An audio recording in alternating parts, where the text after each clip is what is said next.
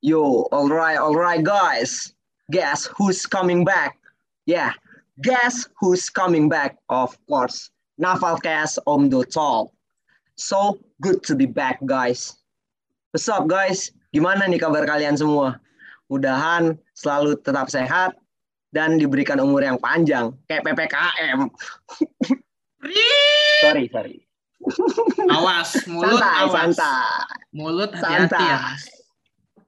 By the way, kita di sini ada barang bagus nih. Kualitas bukan KW. Apalagi buat arek-arek kapal nih yang lagi haus ilmu. Ada barang bagus kualitas premium. Gimana yo? Bener nggak tuh yo? Waduh, ya pastilah Mas Yus. Arek kapal ini emang selalu haus nih kalau masalah barang bagus gini. Eh, maksudnya ilmunya, ilmunya. Hmm. Ah. Hmm. Oh iya nih Mas, sebelum kita mulai, mending kita perkenalan diri dulu nih. Siapa tahu kan nanti ada yang kepoin kita kan. Oh, ho, jelas, jelas itu yo. Percuma dengar podcast tapi nggak tahu dua hostnya siapa ya. Just like eating Indomie without rice, makan Indomie tanpa nasi, nggak perfect tuh. Anjay. Ya, Oke. Anjay, yo, oke. Perkenalkan, namaku Muhammad Yuslihul Kiromul Haq. Angkatan 2018, biasa dipanggil Yusli. Ya, eh. Eh, Oke, di sini aku Muhammad Radityo, biasanya dipanggil Tio dari angkatan 2000 2019 akan menemani Mas Yus malam ini. Oke, kami berdua berasal dari Departemen Kajian Strategi Sima Tekmal FTK ITS. Oke, di sini for sure kami bakalan mandu jalannya Navalcast Om Dotok Oh, season, season kedua. 2. Anjay. Nah, di season 2 ini tentunya kita akan membahas topik-topik yang seru nih Mas Yus. Pastinya bakal relate banget deh sama kehidupan-kehidupan mahasiswa sekarang ini. Oke, and let's take a guess guys. Siapa nih bintang tamunya? Dari namanya aja bintang tamu. Superstar dong, yang nggak mungkin nih bisa hadir di Navalcast Om Dotok kalau bukan superstar. Anjay. Asik, asik, asik. Bukan kaleng-kaleng nih pastinya ya Mas, udah pasti berpengalaman nih di bidangnya. Contohnya, Oke, jelas. bintang tamu kita yang satu ini nih salah satu orang penting loh di Matekpal. Yang lain Uh, uh, bukan tuh? the one and only true leader of us yang paling tampan dan pemberani yaitu Oh, of course, here we go. El Kapitan Muhammad Iqbal Putra Azari. Anjay. So, Mas Muhammad Iqbal Putra Azari, atau yang biasa dipanggil Mas Iqbal nih, adalah Kahima dari Hima Tekpal pada kabinet tahun ini. Dan fun fact-nya lagi nih, dia salah satu mantan, mantan ya, mantan host Navalcast di season yang pertama. Anjay. sangat-sangat memotivasi sekali ya Mas. Tapi sih kalau dilihat umurnya kayaknya udah harus lengser nih. Kan sibuk tuh pasti ngurus skripsi. Jadi aku jadi akunya Hmm. bisa naik jadi next Kahima. Gimana tuh Mas Yus?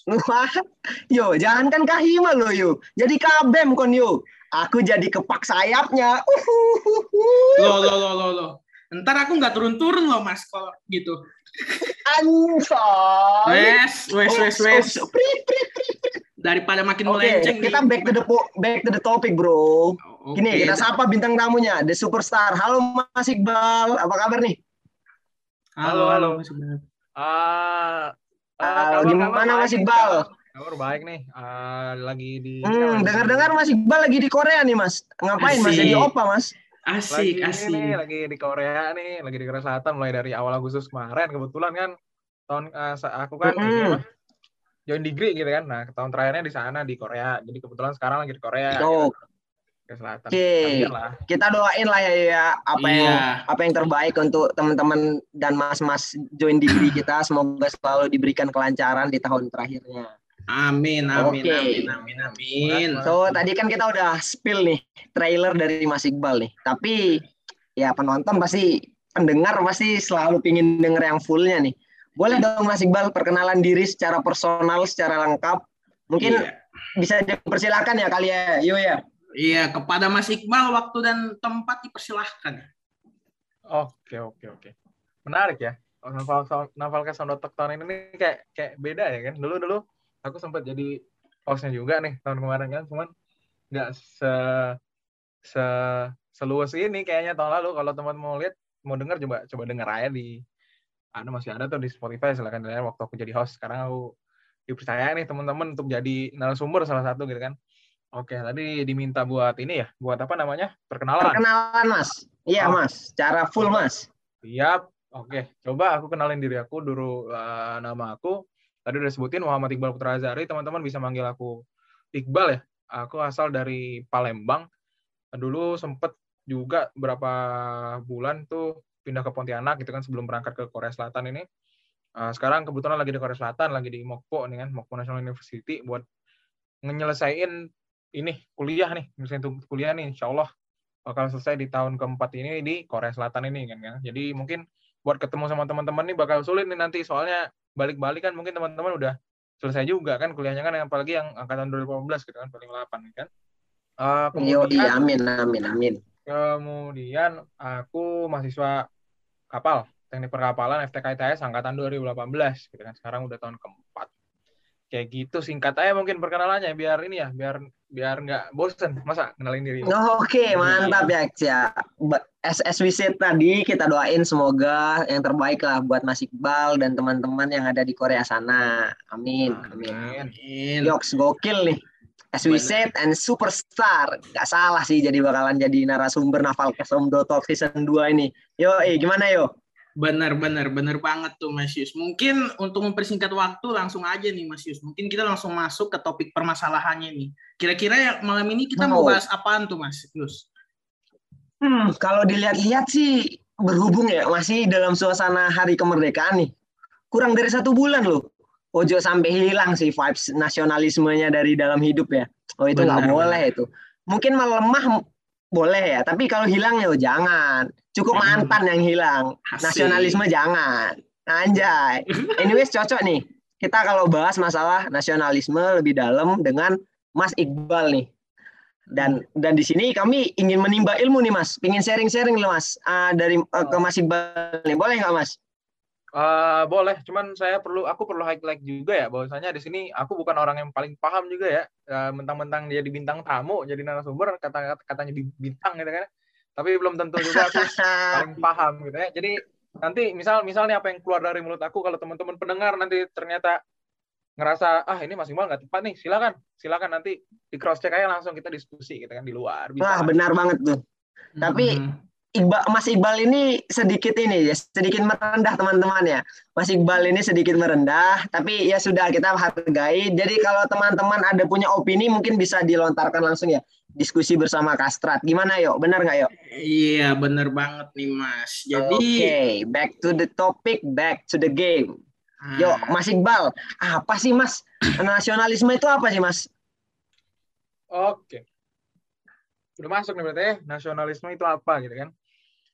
Kalau teman-teman Oke. mungkin udah udah saya coba ini nih, coba cerita dulu di awal nih. Mungkin teman-teman udah sering tuh dengar kata-kata isme di belakang ada apa kayak mungkin pernah dengar marhaenisme, mungkin pernah dengar apa gitu, nasionalisme di sini pun pernah mungkin dengar muhikrarisme gitu kan. Nah, itu kan ada suatu isme-isme di belakang itu kan pasti ada suatu arti kan isme gitu kan. Kalau dalam pandangan saya, isme adalah pandanganku nih, isme tuh kayak kayak ini sih apa? Sebuah paham gitu. Nah, sebuah Hmm, paham yang hmm. nasional gitu kan. Nah, makanya saya coba ngutip juga nih dari beberapa hasil riset yang saya lakuin nih, yang aku lakuin di biasalah di Google gitu kan. Aku coba riset, Oke, Mas. coba cari Sambar. tahu nih, biar nggak salah ngomong juga kan. Nasionalisme itu apa Benar, sih benar. gitu kan?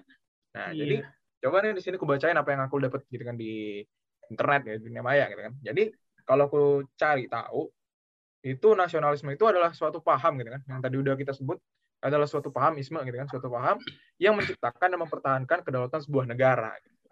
yaitu dengan cara mewujudkan satu konsep identitas bersama atas kelompok manusia mempunyai tujuan atau cita-cita yang sama gitu dalam mewujudkan kepentingan nasional gitu. Jadi intinya kayak eh, nasionalisme itu secara simpel ya itu adalah suatu paham untuk mempertahankan sebuah negara gitu. Dengan cita-cita yang sama dengan cara yang sama gitu kan dalam pandangan warga negara itu sendiri gitu. Yang perlu kalian paham adalah yang perlu kita sama-sama ketahui adalah nasionalisme itu diambil dari dua kata lah kalau dipisah ya. Nasional sama isme gitu kan. Isme adalah suatu paham nasional adalah nasionalisme adalah sebuah paham yang menciptakan paham untuk mempertahankan sebuah negara gitu. Entah secara berdirinya entah sebagai apanya gitu. Intinya adalah untuk mempertahankan sebuah negara. Kayak gitu mungkin singkatnya kawan-kawan ya buat nasionalisme yang bisa saya sampaikan. Mungkin gimana nih? Pandangan dari teman-teman ada nggak nih? Salah apa gimana? Oh. silakan aja. Oh iya, berarti nasionalisme ini sebuah waham di mana setiap masyarakatnya tuh harus mempertahankan gitu Mas ya untuk kedaulatan demi kedaulatan negara dan kepentingan negara itu sendiri Mas ya. ya betul banget jadi kayak ya Oh. kayak gitu lah sebuah paham gitu yang harus dipahami sama teman-teman masing-masing gitu kan apa aja gitu Hmm. dan lain sebagainya kayak gitu Hmm. Hmm, kalau membahas mengenai nasionalisme itu kan terka- terkaitannya dengan negara ya Mas ya. Benar sekali ya Mas ya. Jadi Hmm. gimana tuh Mas menurut pandangan Mas Iqbal sendiri tuh nasionalisme di berbagai belahan dunia di negara-negara negara lain tuh bagaimana Mas menurut pandangan dari Mas Iqbal sendiri? Oke, nasionalisme di berbagai belahan negara di dunia gitu kan. Kalau kita bicara ini sih, kalau kita bicara soal apa namanya negara-negara lain kan, tentu bakal banyak banget yang bakal masuk ke otak kita gitu kan. Bakal banyak kayak, oh negara ini kayak gini nih. Kalau kita baca sejarah pun bakal ada gitu kan. Oh negara ini sejarahnya kayak gini, negara A, negara B, negara C kayak gini gini gini gitu kan. Pasti ada lah, pasti ada lah yang kita dapat gitu kan. Tapi coba di sini aku coba untuk apa namanya coba untuk eh, maparin singkatnya aja gitu ya, secara singkat ke teman-teman bahwasanya eh, nasionalisme di berbagai negara ini tuh itu bergantung kepada apa yang terjadi di negara itu gitu kan? Apa yang jadi identitas negara itu sebenarnya? Karena itu yang bakal jadi ciri dari nasionalisme masing-masing negara. Sebagai contoh nih aku ambil nih negara karena kita bicara dengan belahan negara di dunia luar gitu kan? Aku ambil contoh negara Jerman aja. Teman-teman mungkin udah paham lah dulu Jerman kayak gimana zaman perang dunia satu perang dunia dua. Kan mereka pasti punya paham sendiri gitu kan kenapa mereka melakukan hal-hal seperti itu kenapa mereka pada akhirnya jadi seperti ini itu kan pasti ada sesuatu yang melatar belakanginya gitu kan. Nah itu adalah bentuk nasionalisme mereka teman-teman.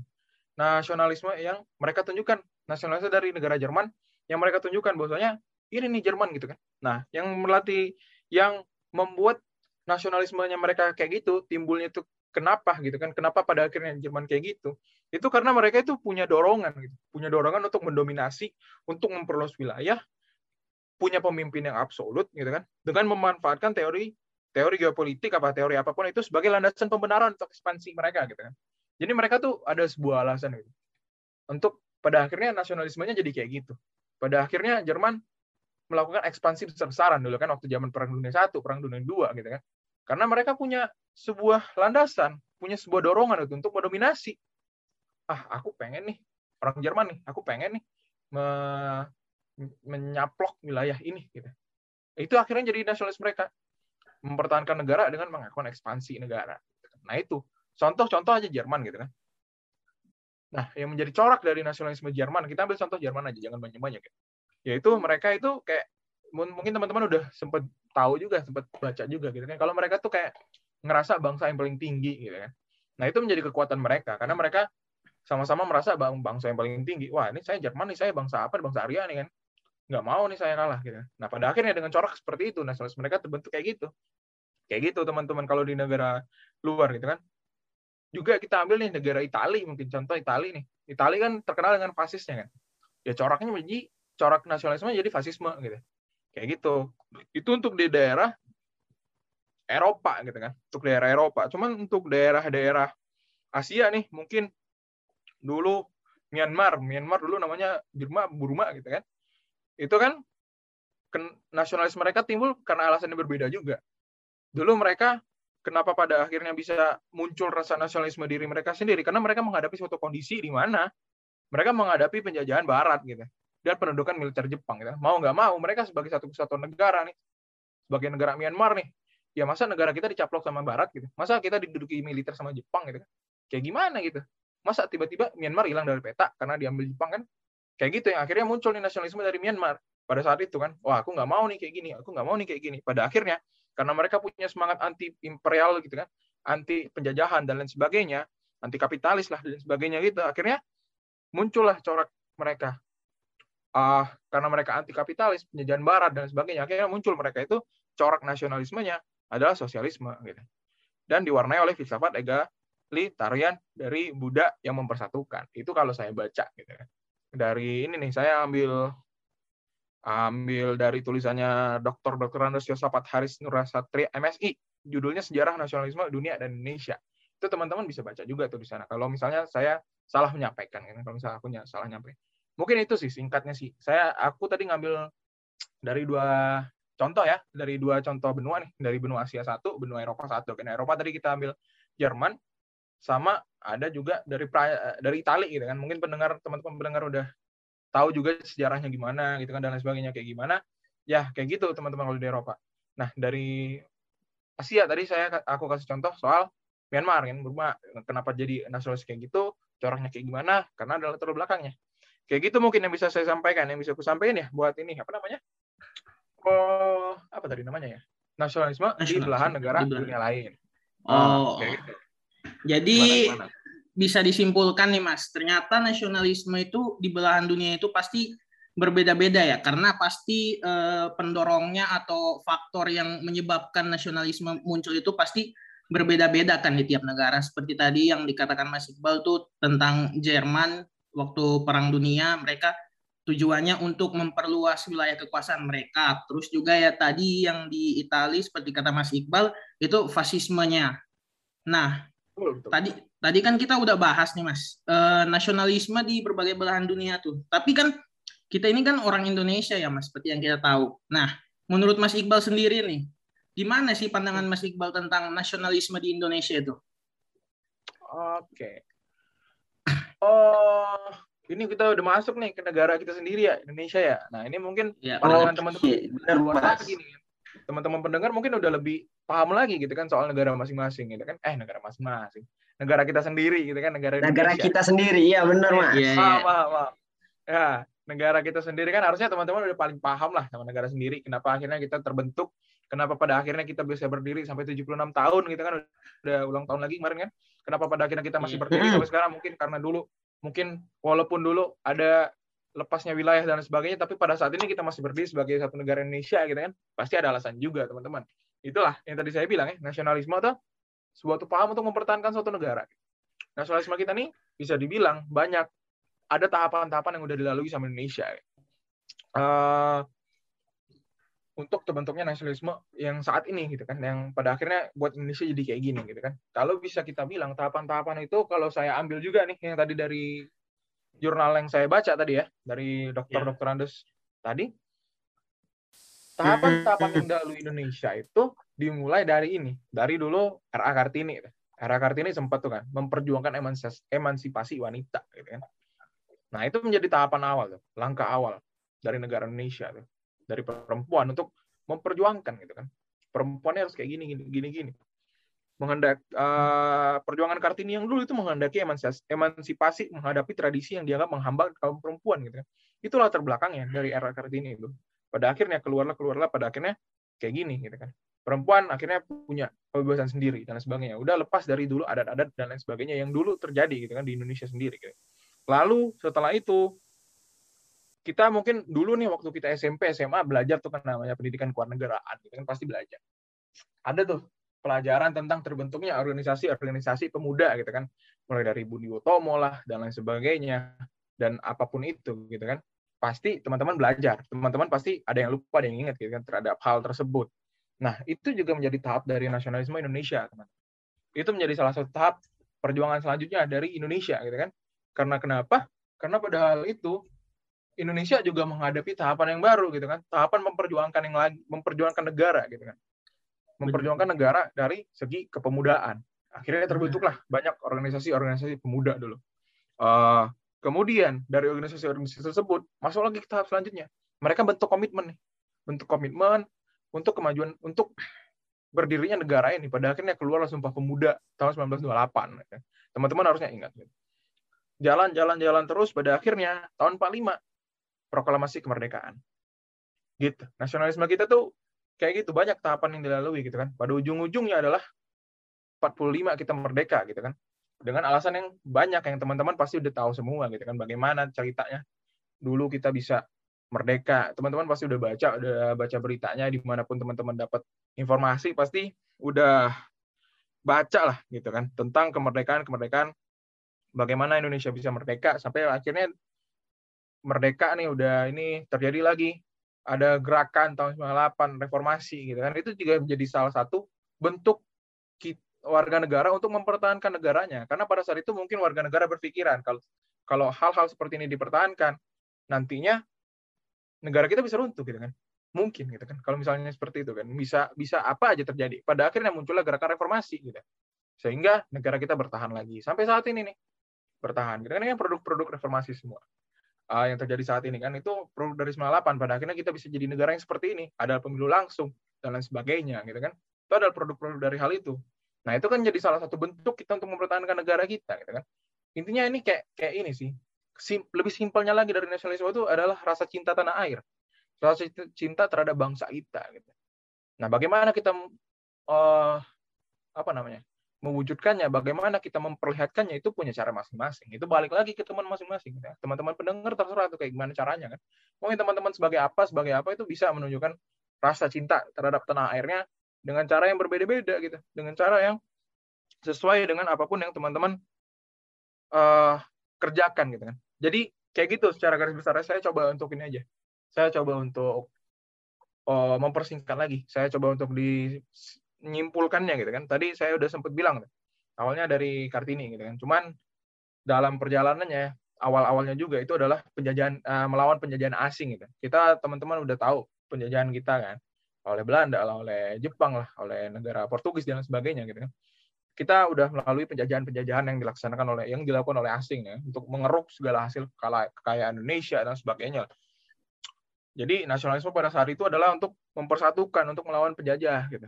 Kemudian tahun 45 tahun 49 negara baru nih, negara baru negara baru berdiri, bagaimana kita mempertahankannya? Karena teman-teman pasti tahu juga di tahun-tahun tersebut banyak agresi militer Belanda gitu kan. Sampai akhirnya kita kemarin kita tahun-tahun segitu berubah bentuk kan jadi negara Republik Indonesia Serikat gitu kan dengan bentuk yang berbeda. Mm-hmm. Itu juga menjadi salah satu cara lah bagaimana mempertahankan kemerdekaan gitu kan. Uh, dengan sikap heroisme, cinta bangsa, tanah air dan sebagainya. Tahun 50 sampai 65 nih saya ambil dari kertas di buku di bacaan tadi ada ancaman dari dalam baik bersifat ideologis maupun politis gitu. Nah, dari situ juga kita diuji untuk mempertahankan kebangsaan kita ini untuk mempertahankan Indonesia ini gitu kan. Kemudian tahun 66 tahun 65 ada permasalahan kemiskinan, kesenjangan, integrasi nasional gitu. Nah, itu kita balik-balik lagi ke semangat persatuan, solidaritas dan lain sebagainya gitu. Lalu ada selanjutnya sampai ke era reformasi gitu kan akhirnya era kebebasan muncul dan lain sebagainya. Nah, strategi yang harus kita hadapi untuk harus untuk yang untuk menghadapi nasionalisme selanjutnya ini adalah bagaimana kita bertindak cerdas gitu kan. Sekarang udah era kebebasan, teman-teman bebas menyampaikan pendapat, teman-teman bebas untuk ngomong di di mana pun gitu kan. Karena udah dijamin teman-teman boleh untuk mengemukakan pendapat gitu kan. Nah, itu bagaimana strategi kita aja gitu kan menunjukkan nasionalisme kita dengan cerdas, dengan smart gitu, kan. dengan pintar ya. Pada akhirnya itu menjadi identitas kita selanjutnya gitu kan terhadap nasionalisme kita dalam menunjukkan rasa cinta bangsa tanah air kita. Bagaimana cara kita mempertahankan negara kita sendiri dengan cara kita masing-masing kayak gitu. Kayak gitu mungkin uh, yang bisa oh. saya sampaikan ya. Mungkin agak okay. pusing ya, membosankan gimana kayak gitu. Ini bahasanya berat nih soalnya. Wah, enggak Mas. Ini ini benar-benar ilmu yang seperti saya bilang tadi, ini kualitasnya premium banget nih Mas Iqbal nih. Jadi gini ya, simpelnya mungkin lebih kayak journey Mas Iqbal ya. Jadi kayak ada hmm. perjalanan waktunya gitu ya.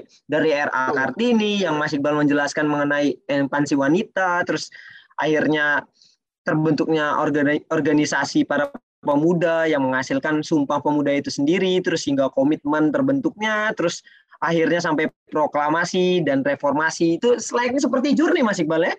Perjalanan iya, waktu betul. gitu ya Mas Iqbal? Betul dan terus tadi Mas Iqbal ya, singgung tuh masalah uh, bahwa kalau yang sekarang itu lebih ke arah gimana sih kita menyikapinya gitu mas? Ya di mana bahkan nasionalisme itu sendiri bisa bisa dari diri kita masing-masing ya opini masing-masing. Tapi poin utamanya gimana sih kita tuh menjaga dan mencintai tanah air ini sendiri? Gitu kalau Mas Iqbal. Benar ya Mas Iqbal? Ah betul Mas jadi kayak hmm, gimana hmm, hmm. kita inilah kita menunjukkan lah rasa cinta kita gimana gitu kan nasionalisme kita gimana oh, ke negara kita. Itu terserah kita bagaimana iya. bentuknya. Baik, baik, baik. Oh ini Mas Iqbal, kan tadi udah mulai udah udah menjelaskan tuh Mas Iqbal. Sekarang nih aku mau nanya Mas, mau nanya dari nasionalisme itu sendiri penting nggak sih Mas Iqbal? Maksudnya kayak ya ya ya udah kan semua orang ada yang ada yang punya ada yang enggak maksudnya ibaratnya kayak ya penting nggak sih nasionalisme itu Mas Iqbal? Aku mau nanya Mas. Pertanyaan bodoh oh. sih tapi mau nanya aja Mas Iqbal. Penting nggak sih nasionalisme itu? Oke. Iya. Oke thank you nih. Pertanyaannya lanjutannya nih penting nggak gitu kan nasionalisme gitu, gitu kan? Mm -mm. Uh, kalau jawaban yang pasti udah teman-teman tahu pasti jawabannya penting gitu kan. Karena ya tadi Kenapa itu Mas Iqbal?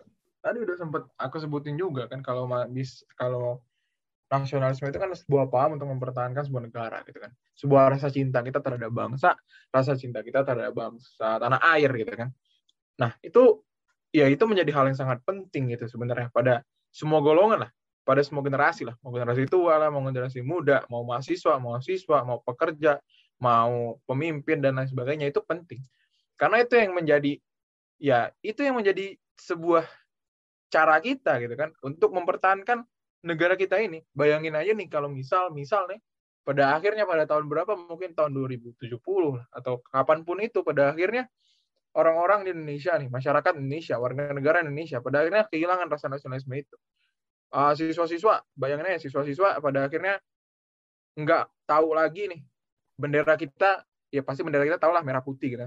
Tapi nggak tahu lagi nih apa hmm, aja hmm. yang ada di lambang burung Garuda gitu kan apa berapa jumlah bulu di sini apa tulisan di bawahnya artinya apa bayangin aja itu nggak tahu lagi bayangan aja gimana pada akhirnya siswa-siswa mahasiswa dan orang-orang lain pun itu nggak ada lagi punya rasa nasionalisme terhadap negaranya sendiri gitu kan di negara kita bakal oh. kehilangan kemampuannya untuk berpikir orang-orang bakal wah ini negara Indonesia nih.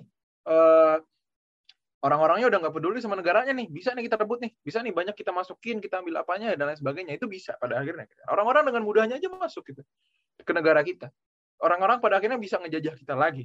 Kalau misalnya nasionalisme kita nggak kita pupuk dari awal nggak nggak kita pertahankan lah intinya.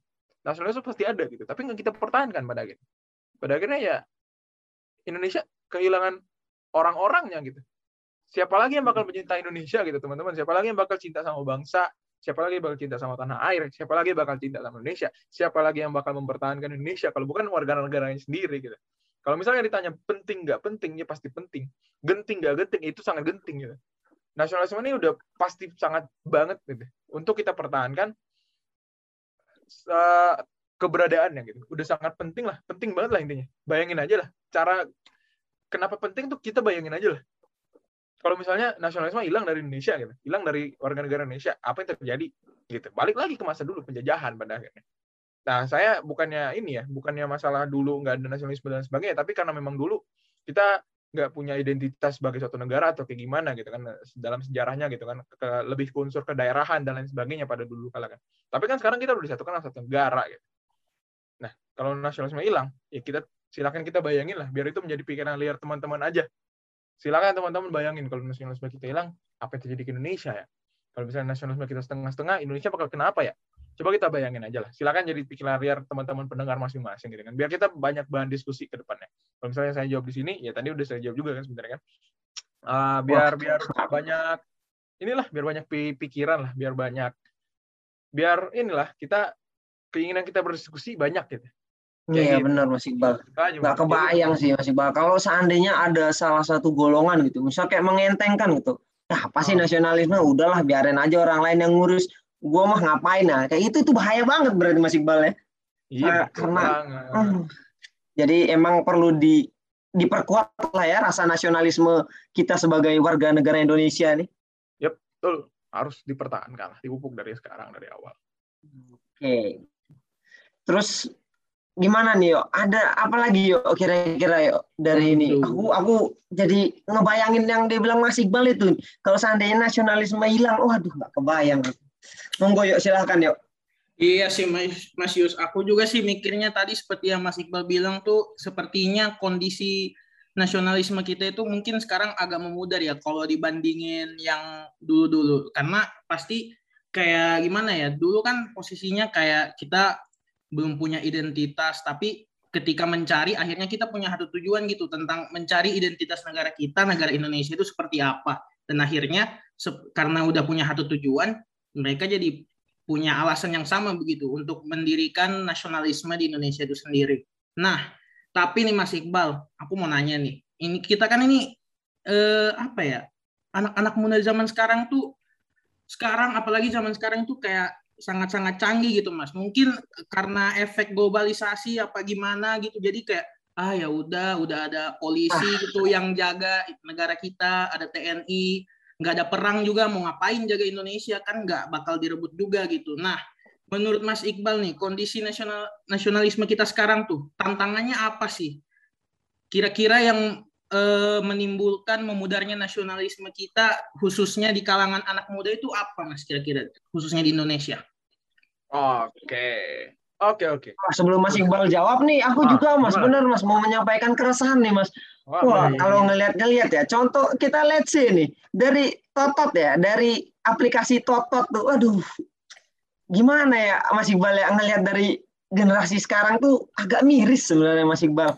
Tapi oh. ya mau gimana lagi ya. Jadi pingin pingin aja tahu dari opini Mas Iqbal nih sendiri yang sesuai pertanyaan dari Tio tadi itu. Gimana Mas? Langsung Mas. Oke.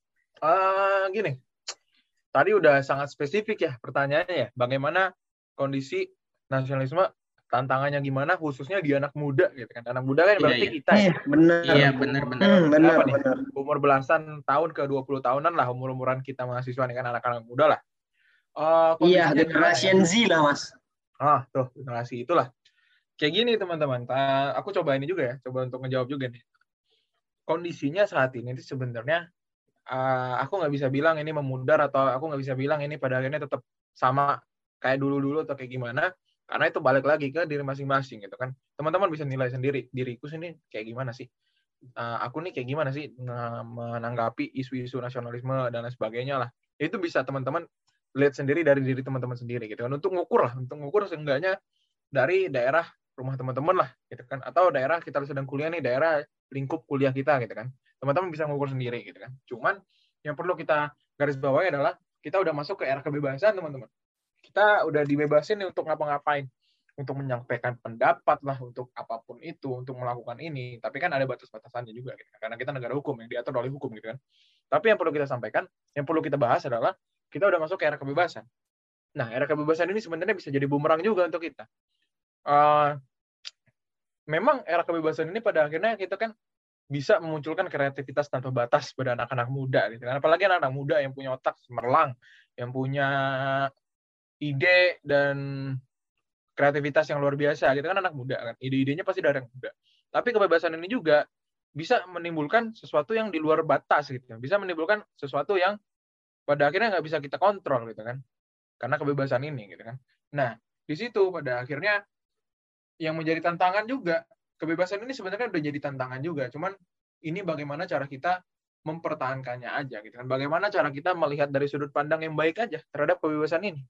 Terhadap apa yang ada di, di depannya, di depan mata nih ada apa nih gitu kan. Nah, jadi untuk masalah memudar, untuk masalah ini aku nggak bisa bilang gitu kan. Karena itu balik lagi ke teman-teman. Silakan teman-teman pendengar juga cross check ke diri teman masing-masing gitu kan. Silakan di nilailah kayak gimana sih nasionalisme dari dari kita masing-masing gitu. Coba kita nilai aja. Apakah aku selama ini udah jadi uh, anak muda yang baik, uh, yang punya rasa nasionalisme tinggi atau kayak gimana? Itu coba untuk kita bahas masing-masing aja gitu diri masing-masing gitu kan. Cuman uh, kalau kita berbicara kondisi, kita bisa lihat di kondisi Indonesia saat inilah kayak gitu kan. Uh, kondisi yang seperti apa silakan teman-teman pahami gitu. Banyak kondisi yang terjadi di Indonesia, banyak kondisi yang terjadi, banyak yang melibatkan anak muda, banyak yang ada yang baik dari hal ada hal baik dari anak muda, ada hal buruk juga dari anak muda ini sekitar kita kita saat ini gitu kan. Nah, kita ambil contoh yang baik-baik aja, teman. Aku eh, nggak uh, bisa bilang yang jahat yang buruk-buruk, hal-hal buruk yang terjadi pada anak muda itu adalah produk dari sesuatu gitu. Aku nggak bisa bilang itu gara-gara apa. Tapi itu kan sudah terjadi gitu kan. Nah, itu yang harus kita pahami kenapa bisa terjadi gitu. Jangan sampai kita juga melaksanakan hal tersebut. Jangan sampai pada akhirnya kita juga ah ini boleh nih, aku juga mau ah kayak gitu. Kita harus punya batas sendiri lah. Pramudian Natatur dulu sempat bilang tuh di bukunya gitu kan, uh, semakin tinggi tingkat pendidikan seseorang itu bukan berarti semakin mengambil makanan orang lain, tapi harus semakin mengenal batas. Nah, gitu. Kita udah sampai tahap mahasiswa nih, teman-teman. Kita udah sampai tahap mahasiswa, kita udah jadi mahasiswa gitu. Banyak anak-anak Indonesia yang nggak dapat kesempatan jadi mahasiswa. Gitu. Kan banyak banget gitu. Nah, di situ harusnya kita tahu nih batasan-batasan kita. Gitu. Jadi mahasiswa ini ngapain aja sih? Gitu. Jangan sampai jangan kita jadi mahasiswa, malah oh kita malah aku udah mahasiswa nih aku mau ini ya aku mau ini jangan kayak gitu kita harus tahu batasan kita masing-masing gitu kita harus tahu nih oh aku mau ini nih tapi ada ini nih kayak gimana ya nah itu harus jadi muncul di kreativitas masing-masing gitu kayak gitu kondisinya sebenarnya ya kayak gini lah kondisi kita gitu kan. Silakan teman-teman nilai sendiri kondisi kita bagaimana gitu kan. Cuman yang perlu kita perhatikan adalah bagaimana kita mengetahui batasan kita masing-masing. Bagaimana kita tahu batas dari sesuatu gitu. Jangan kita melampaui hal tersebut. Melampaui itu merupakan sebuah ambisi gitu kan sebenarnya. Sebuah ambisi dari setiap ya jiwa-jiwa muda pasti punya ambisi gitu kan. Tapi itu bagaimana cara kita membatasinya aja terhadap hal tersebut gitu kan. Bagaimana kita tahu ini masih hal baik nih. Ada batas-batas wajar, ada batas-batas baik yang masih bisa kita dapetin gitu kan. Yang lewat-lewat, yang jelek-jelek, silakan kita buang aja. Itulah yang menjadi ini. Dengan hal tersebut diharapkan gitu kan, nasionalisme kita tetap tumbuh gitu kan dengan langkah yang baik, dengan jalur yang baik gitu kan. Kita tetap bisa menunjukkan rasa cinta tanah air kita, kita tetap bisa menunjukkan rasa cinta terhadap bangsa kita dengan baik dan lain sebagainya gitu kan. Jangan sampai kita semakin ngerasa hebat gitu kan, aku udah mahasiswa nih, aku udah hebat banget nih. Kita malas main-main gitu kita malah lupa kalau kita punya harusnya punya rasa nasionalisme gitu kan. Kita pada akhirnya lupa bahwasanya kita ini harusnya cinta terhadap tanah air kita gitu kan. Banyak budaya-budaya luar udah masuk gitu kan. Nah, tapi jangan sampai budaya-budaya luar itu menghilangkan nasionalisme kita gitu. Nah, budaya luar silakan kita pelajari gitu kan. Karena itu menjadi pengetahuan juga gitu kan. Saya nih udah di Korea Selatan itu kan bukan berarti saya menutup diri saya terhadap Korea Selatan. Saya pun belajar bahasa mereka, saya belajar budaya mereka, saya belajar. Tapi tetap nggak menghilangkan rasa nasionalisme saya terhadap negara saya sendiri, gitu kan, Indonesia, gitu kan. Karena saya dari lahir besar dan sampai ini pun di Indonesia, gitu kan, walaupun pindah-pindah kota dari Bengkulu, Sumatera Selatan, sampai ke Jawa Timur, gitu, dan sampai ke Kalimantan Barat, Kalimantan Tengah, saya udah samperin semua, gitu kan.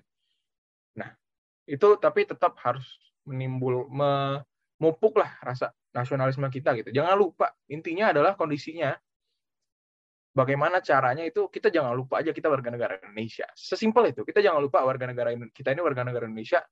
Kita punya kewajiban terhadap negara gitu kan. Kita harus punya rasa cinta kita terhadap negara. Kayak gitu mungkin ya yang bisa sampaikan. Yang aku bisa sampaikan itu gimana gimana? Ada tanggapan nggak dari kawan-kawan? Oh ya aku setuju banget sih dari Mas Iqbal ya. Mas Iqbal menyampaikan kalau mengenai introspeksi sendiri ya, dia ibaratnya kita tahu sendiri kondisi negara kita dengan nasionalisme yang gimana, ya at least diri kita sendiri lah, kita mengaca dan introspeksi dari diri sendiri, terus menanam benih dari diri kita sendiri yang yang mana itu pasti bakalan nge-trigger dari lingkungan sekitar ya. Mungkin ya bisa bisa dibilang ya masih banyak dari lingkungan sekitar dan akhirnya kita bisa merangkul yang jaringan yang lebih luas dari sebelumnya. Benar setuju hmm. aku setuju banget dari Mas Iqbal. Terus gini Mas Iqbal, yang tadi kan Mas Iqbal sempat menyinggung tuh pasti aja ada yang under yang over control lah, yang lepas dari batas, yang melampaui batas atau bahkan keluar dari atau me menghilangkan bukan menghilangkan tapi apa ya melemahkan lah gitu rasa rasa rasa nasionalismenya mereka masing-masing. Nah kalau seandainya nih ada teman-teman dan mungkin bisa mengintrospeksi diri sendiri itu gimana sih Mas Iqbal untuk menguatkan atau memunculkan kembali gitu rasa nasionalisme yang sudah memudar itu Mas Iqbal. Ini let's say ah. kita ibaratkan diri kita at the, at the lowest gitu Mas Iqbal, at the worst gitu. Dari kondisi yang terlemah dan terjelek lah. Gimana sih dari pribadi kita masing-masing itu sendiri untuk menguatkan dan bahkan mengembalikan gitu loh rasa nasionalisme yang sudah memudar atau bahkan mungkin hilang gitu loh ini yang yang yang poin kita at the lowest ya, at the worst lah gitu Mas Iqbal. Gimana tuh Mas Iqbal? Oke. Oke, oke. Gimana gitu kan? Pertanyaannya untuk mengembalikan gitu, untuk memunculkan lagi gitu kan. Oh, kalau saya riset-riset nih sebenarnya ya di Google, di mana pun saya riset di internet tuh, banyak tuh sebenarnya faktor-faktor gitu kan yang memunculkan rasa nasionalisme dan sebagainya itu kan banyak sebenarnya. Teman-teman pun bisa cari gitu sebenarnya di Google, di dunia maya dan lain sebagainya sebenarnya banyak teman-teman silakan gitu. Kalau pengen dapat ilmu yang lebih panjang silakan dicari gitu. Silakan dibaca, silakan teman-teman pahami sendiri gitu kan. Karena ilmunya sangat tidak terbatas. Silakan teman-teman banyak cari di mana pun ada gitu. Karena ilmu udah ya bisa diakses di mana pun gitu kan. Cuman yang perlu saya sampaikan sebenarnya simple sih teman-teman. Karena uh, tadi uh, tadi sudah sempat saya singgung juga gitu kan. Um, bagaimana Jan? Saya sempat jawab situ. Si pertanyaan sebelumnya nih, pertanyaan sebelumnya itu adalah kita jangan lupa kalau kita warga negara Indonesia. Sesimpel itu kalau dari saya. Tapi untuk lebih expert lagi nih, lebih lebih apa ya, lebih dalam lagi nih, silakan teman-teman uh, inilah riset lah di Google gitu. Di mana pun, entah tanyalah ke siapa pun gitu, masih banyak.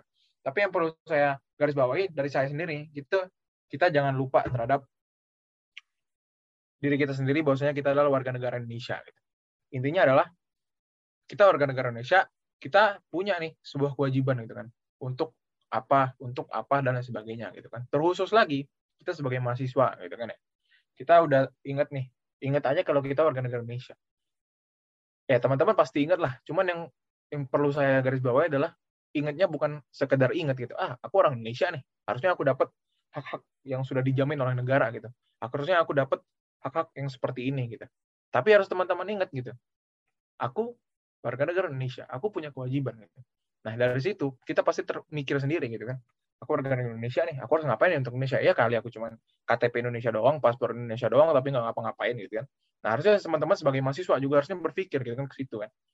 Sebagai mahasiswa, udah pastilah kita harus mengedukasi diri kita sendiri lah. Kita udah paham nih, kita warga negara Indonesia, oh aku harus kayak gini nih, aku harus kayak gini ya. Nah, proses untuk menjadi aku harus kayak gini, pasti kita sebagai mahasiswa belajar gitu kan. Kita edukasi diri kita sendiri gitu. Entah kita belajar sesuai bidang kita masing-masing, entah kita belajar sesuai uh, apa sesuai apa yang kita pengen gitu kan. Entah kita belajar tentang nasionalisme itu sendiri gitu kan. Intinya adalah belajar gitu teman-teman. Inti kedua adalah belajar. Yang pertama kita harus ingat kita warga negara Indonesia, yang kedua adalah belajar sebagai uh, warga terpelajar gitu kan. Kita sebagai mahasiswa ya terpelajar gitu kan. Ya kali kita sebagai mahasiswa lempeng-lempeng aja gitu kan. Nah itu yang harus kita garis bawahi dua hal ini. Yang pertama adalah kita harus ingat nih, jangan lupa kalau kita warga negara Indonesia, ada hal yang harus kita pegang gitu. Ada hal yang harus kita banggakan gitu. Ada hal yang harus kita cintai gitu. Itu negara kita sendiri. Kemudian kita udah tahu nih kita warga negara Indonesia. Kita udah tahu kita harus ngapain. Kita harus tahu, kita udah tahu kita mau jadi apa. Di situ kan ada prosesnya yaitu belajar sebagai mahasiswa kita harus belajar. Kita harus tahu batasan lah. Kayak yang tadi udah saya sebutkan. Uh, dari mengutip tulisannya Mas eh Mas lagi. Uh, Pramudiana Tatur ya di bukunya Bumi Manusia yang tadi udah saya sebutkan kan semakin tinggi pendidikan seseorang bukan berarti semakin memakan makan orang lain ya tapi semakin mengenal batas gitu kan. Uh, kurang lebihnya gitu gitu kan. Jadi kita harus semakin mengenal batas lah sebagai mahasiswa. Tadi udah saya sudah sudah sempat sudah sempat saya singgung juga gitu kan. Harus semakin mengenal batas. Kalau misalnya kita adalah ya seperti ini kita. Mahasiswa nih belajar ya belajar gitu. Diskusi ya diskusi gitu kan. Nongkrong ya nongkrong. Tapi harus kita ingat tujuannya apa gitu kan. Itu yang penting kan. Kayak gitu teman-teman ya. Yang mungkin bisa saya sampaikan ya. Ada tiga poin lah kalau bisa saya sampaikan ya. Tiga poin. Yang pertama adalah kita ingat nih ingat aja nih kita warga negara Indonesia. Berarti kita harus tanggungan gitu kan terhadap negara gitu. yang kedua kita harus belajar. Kita edukasi diri kita dengan berbagai hal gitu. Kita belajar tentang keilmuan kita masing-masing, kita belajar tentang apa pun itu. Kemudian kita tahu batas. Tahu batas itu terserah juga caranya banyak kan. Bisa berdiskusi, bisa kita kontemplasi sendiri, gitu kan. Bisa kita belajar juga gitu kan. Inti-intinya seperti itu, teman-teman. Kayak gitu mungkin ya sebagai mahasiswa yang bisa saya sampaikan, pemuda juga siapa pun lah pendengar-pendengar dari podcast kali ini banyak yang bisa kita sampaikan banyak yang bisa kita diskusikan sebenarnya gitu kan. Tapi silakan teman-teman tadi beberapa saya titip pertanyaan gitu kan. Silakan teman-teman pikir sendiri, silakan teman-teman cari sendiri. Tujuannya apa? Tujuannya ya sila, biar supaya teman-teman aktif belajar gitu. Tidak hanya menunggu gitu kan. Saya pengennya kayak gitu. Aku pengennya kayak gitu sebenarnya. Terkhusus buat teman-teman dari mahasiswa teknik perkapalan ya. Uh, gitu kan. Ayo kita sama-sama aktif belajar teman-teman. Aktif diskusi dan lain sebagainya. Kita aktif belajar dengan kita aktif belajar kita banyak ilmu masuk nih banyak informasi masuk ke kepala kita sendiri gitu kan. Dari situ wawasan kita jadi kaya. Nah itu yang jadi poin penting sebenarnya. Sehingga pada akhirnya kita jadi lebih terpelajar lagi ke depannya. Nah dengan lebih terpelajar lagi kita semakin akhirnya ujung-ujungnya juga nasionalisme kita semakin tinggi gitu kan. Kita udah terpelajar nih. Pada akhirnya kita bakal membanggakan negara kita sendiri gitu kan. Itu menjadi salah satu contoh untuk menunjukkan rasa cinta kita terhadap tanah air kita. Salah satu contoh dari rasa nasionalisme itu sendiri Ah, kayak gitu mungkin yang bisa saya sampaikan ya, yang bisa aku sampaikan nih soal soal itu tadi ya. Gimana dari teman-teman? Iya, bener banget tuh Mas Iqbal. Jadi buat para pendengar nih, tadi pertanyaannya eh, gimana sih cara mengembalikan rasa nasionalisme yang hilang mungkin. Nah, tadi Mas Iqbal juga udah sebutin ada tiga poin penting lah menurut Mas Iqbal. Yang pertama, itu kita ingatlah kita sebagai orang Indonesia, jadi kita punya tanggungan secara tidak langsung untuk menjaga keutuhan Indonesia itu sendiri. Terus yang kedua, kita apalagi sebagai mahasiswa nih, kita harus banyak belajar, memperkaya ilmu untuk diri kita agar kita bisa tahu nih langkah-langkah yang bisa kita lakukan untuk mendukung melindungi nasionalisme agar tetap pada tarafnya gitu. Dan yang ketiga tahu batasan. Jangan sampai apa yang kita lakukan itu melewati batas-batas yang ada karena bisa jadi batasan-batasan yang telah kita lewati bisa bisa jadi menurunkan mungkin rasa nasionalisme yang sudah ada sekarang ini. Nah, udah sampai ke penghujung acara nih. Sayang banget sih sebenarnya aku masih mau nanya banyak-banyak lagi sih Mas sebenarnya tentang nasionalisme ini karena setelah ngobrol-ngobrol tadi tuh aku makin penasaran gitu. Maksudnya kayak sebenarnya nasionalisme ini kayak penting gak penting, tapi kayak pasti banyak lah yang memikirkan hal-hal kayak gitu. Tapi gimana nih? Waktunya udah terbatas. Terus hmm. gimana ya? Mas Yus, gimana nih Mas Yus? Aku masih mau banyak ngobrol nih sebenarnya. Wah, nah itulah gunanya Naval Omdocast Season 2. Kita pasti bakalan banyak sih talk about anything in the next time mungkin ya. Tapi kalau untuk sekarang mungkin bisa dicukupkan ya karena kita keterbatasan waktu juga nih. Hmm. Tapi sebelum kita berpisah ya pasti bakalan ya ibarat matahari lah. Mau matahari mau terbenam aja ada sunset pointnya gitu loh. Ada sunset ada bagian terindahnya gitu. Aku pingin nih pengen denger mungkin kata-kata penutup dari Mas Iqbal ya. Kata-kata penutup buat pendengar-pendengar kita yang dari lingkungan pemuda, bahkan dari teman-teman teknik perkapalan atau dari teman-teman yang lain dan hingga pemuda-pemuda yang lain itu gimana Mas Iqbal? Kata-kata penutup tolong dong dihanturkan bisa nggak Mas Iqbal? Ah, oke oke. Ah, kata-kata penutup ya sebenarnya ini tidak ada yang indah dari sebuah perpisahan ya sebenarnya ya. Cuman karena diminta kata penutup ya udah coba saya sampaikan aja uh, kata penutup sebenarnya saya ini sih aku bakal tetap ngulangin kata-kata yang tadi udah aku sebutin selama kita ngobrol ya di podcast di tadi diskusi kita tadi deh. Saya coba ngulangin aja supaya nggak lepas gitu nggak hilang dari otak ya terutama di pikiran saya sendiri gitu kan supaya tetap ada lah gitu. Jangan sampai dari saya pun dari aku pun hilang gitu kan. Saya aku yang ngomong dari panjang lebar malah dari aku sendiri hilang gitu kan. Aku coba ini aja uh, coba ngeringkas lebih dikit lagi ya uh, mengenai itu tadi. Nasionalisme itu sebuah paham, teman-teman. Sebuah paham yang di mana kita menunjukkan rasa cinta kita terhadap tanah air. Gitu. Kita mempertahankan bangsa kita. Sebagai mahasiswa, banyak caranya, gitu kan? Banyak caranya. Tadi udah saya sampaikan, silakan diputar lagi ke menit belakang, ya. ke beberapa menit belakang, silakan teman-teman putar lagi. Cuman saya di sini reminder aja ke teman-teman, bahwasanya kita semua sebagai mahasiswa nih, ayo kita gali sedalam-dalamnya lah. Apa pun yang bisa kita dapetin, apa pun yang bisa kita hadapin, apa pun yang kita ikutin gitu, pasti ada ilmu di dalamnya. Nah itu kita ambil lah. Semua semuanya kita ambil gitu. Ilmu-ilmu penting kita ambil, ilmu-ilmu baik kita ambil. Gitu. Ya karena ya jadi mahasiswa nggak terulang dua kali. Ya memang kita jadi mungkin nanti pada akhirnya ada yang lanjut ke S2, ada yang lanjut ke S3 itu yang jadi mahasiswa juga. Cuman pengalaman jadi mahasiswa sarjana gitu kan, pengalaman jadi seorang mahasiswa gitu. Intinya seorang mahasiswa lah. Itu nggak terulang lagi kan. Nah saran saya coba di ini sih di penutup ini saya coba untuk ngajak teman-teman aja untuk ini untuk memanfaatkan segala kondisi yang teman-teman dapetin gitu. Memanfaatkan mengambil sebuah manfaat dari setiap kegiatan yang teman-teman ambil.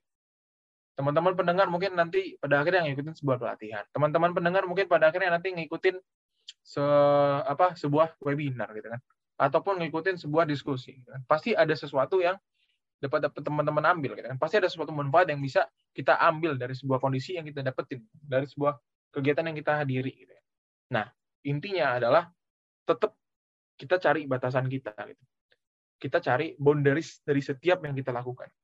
Supaya kita tahu batasnya kita ngelakuin itu sampai mana gitu. Jadi kita tahu apa yang bakal kita laksanakan. Jadi kita tahu bagaimana kita harus bertindak. Gitu. Intinya cari manfaat sebanyak-banyaknya lah, sebanyak-banyaknya lah. Itu sih sebagai intinya. Itu mungkin yang jadi penutup dari aku ya, supaya nggak panjang juga, intinya kayak gitu, teman-teman. Cari manfaat sebanyak-banyaknya. Cari lingkungan yang sebaik-baiknya. Gitu. Jadi, kehidupan teman-teman sebagai mahasiswa bakal berjalan dengan baik, bakal dapat ilmu dengan banyak. Gitu. Itu sih, kayak gitu. Ah, nggak panjang kan? Panjang kayaknya ya. Oh, Oke, okay. nggak aman, aman, aman. Terima kasih oh. banyak sih Mas Iqbal sudah okay. menjadi superstar di podcast hari ini. Terima kasih banyak ya. Oke, kali ini kita tutup aja kali. Iya, iya, iya. Iya, sepertinya karena udah di penghujung waktu juga nih. Waktu kita terbatas. Terima kasih juga kepada para pendengar nih yang sudah meluangkan waktunya dan telinganya untuk mendengarkan obrolan-obrolan kita tadi. Mungkin pasti ada lah eh, pesan-pesan yang mungkin bisa ditangkap dari obrolan kita tadi tentang nasionalisme oh, pasti. bagaimana. Itu pasti, itu pasti, yeah. pasti. Nah, sebut sebelum Dan aku juga bakalan bermanfaat nih ya buat teman-teman para pendengar semua. Terus aku harapin kita dan pendengar-pendengar lainnya itu bakalan makin kuat lah gitu, menghidupkan lagi jiwa-jiwa nasionalisme yang mungkin bakalan meredup atau gimana, yang udah terkubur. Wah, pokoknya kita harus hidupin lagi, kita perkuat lagi. Aku harapin semuanya kayak gitu. Oke, nah ini kita tutup kali ya. Nantikan podcast dari kami, Navalcast Om Dotok Season 2 episode lainnya. Mana yuk? Silakan yuk, ditutup yuk. Aku punya pantun nih mas, buat penutupan Oke, podcast. lanjut, mantap. Pohon palem ada di simpang tiga. Jangan Oke, lupa, cakep. Jangan lupa buahnya tolong dibawa. Anjay, mantap. Lanjutkan. Meskipun kita akan berpisah raga, namun tetaplah bersatu dalam jiwa. Anjay. Anjay, anjay, anjay, anjay. Oke, okay, don't forget to follow ya guys ya. Stay tuned till we meet again. Goodbye. Bye.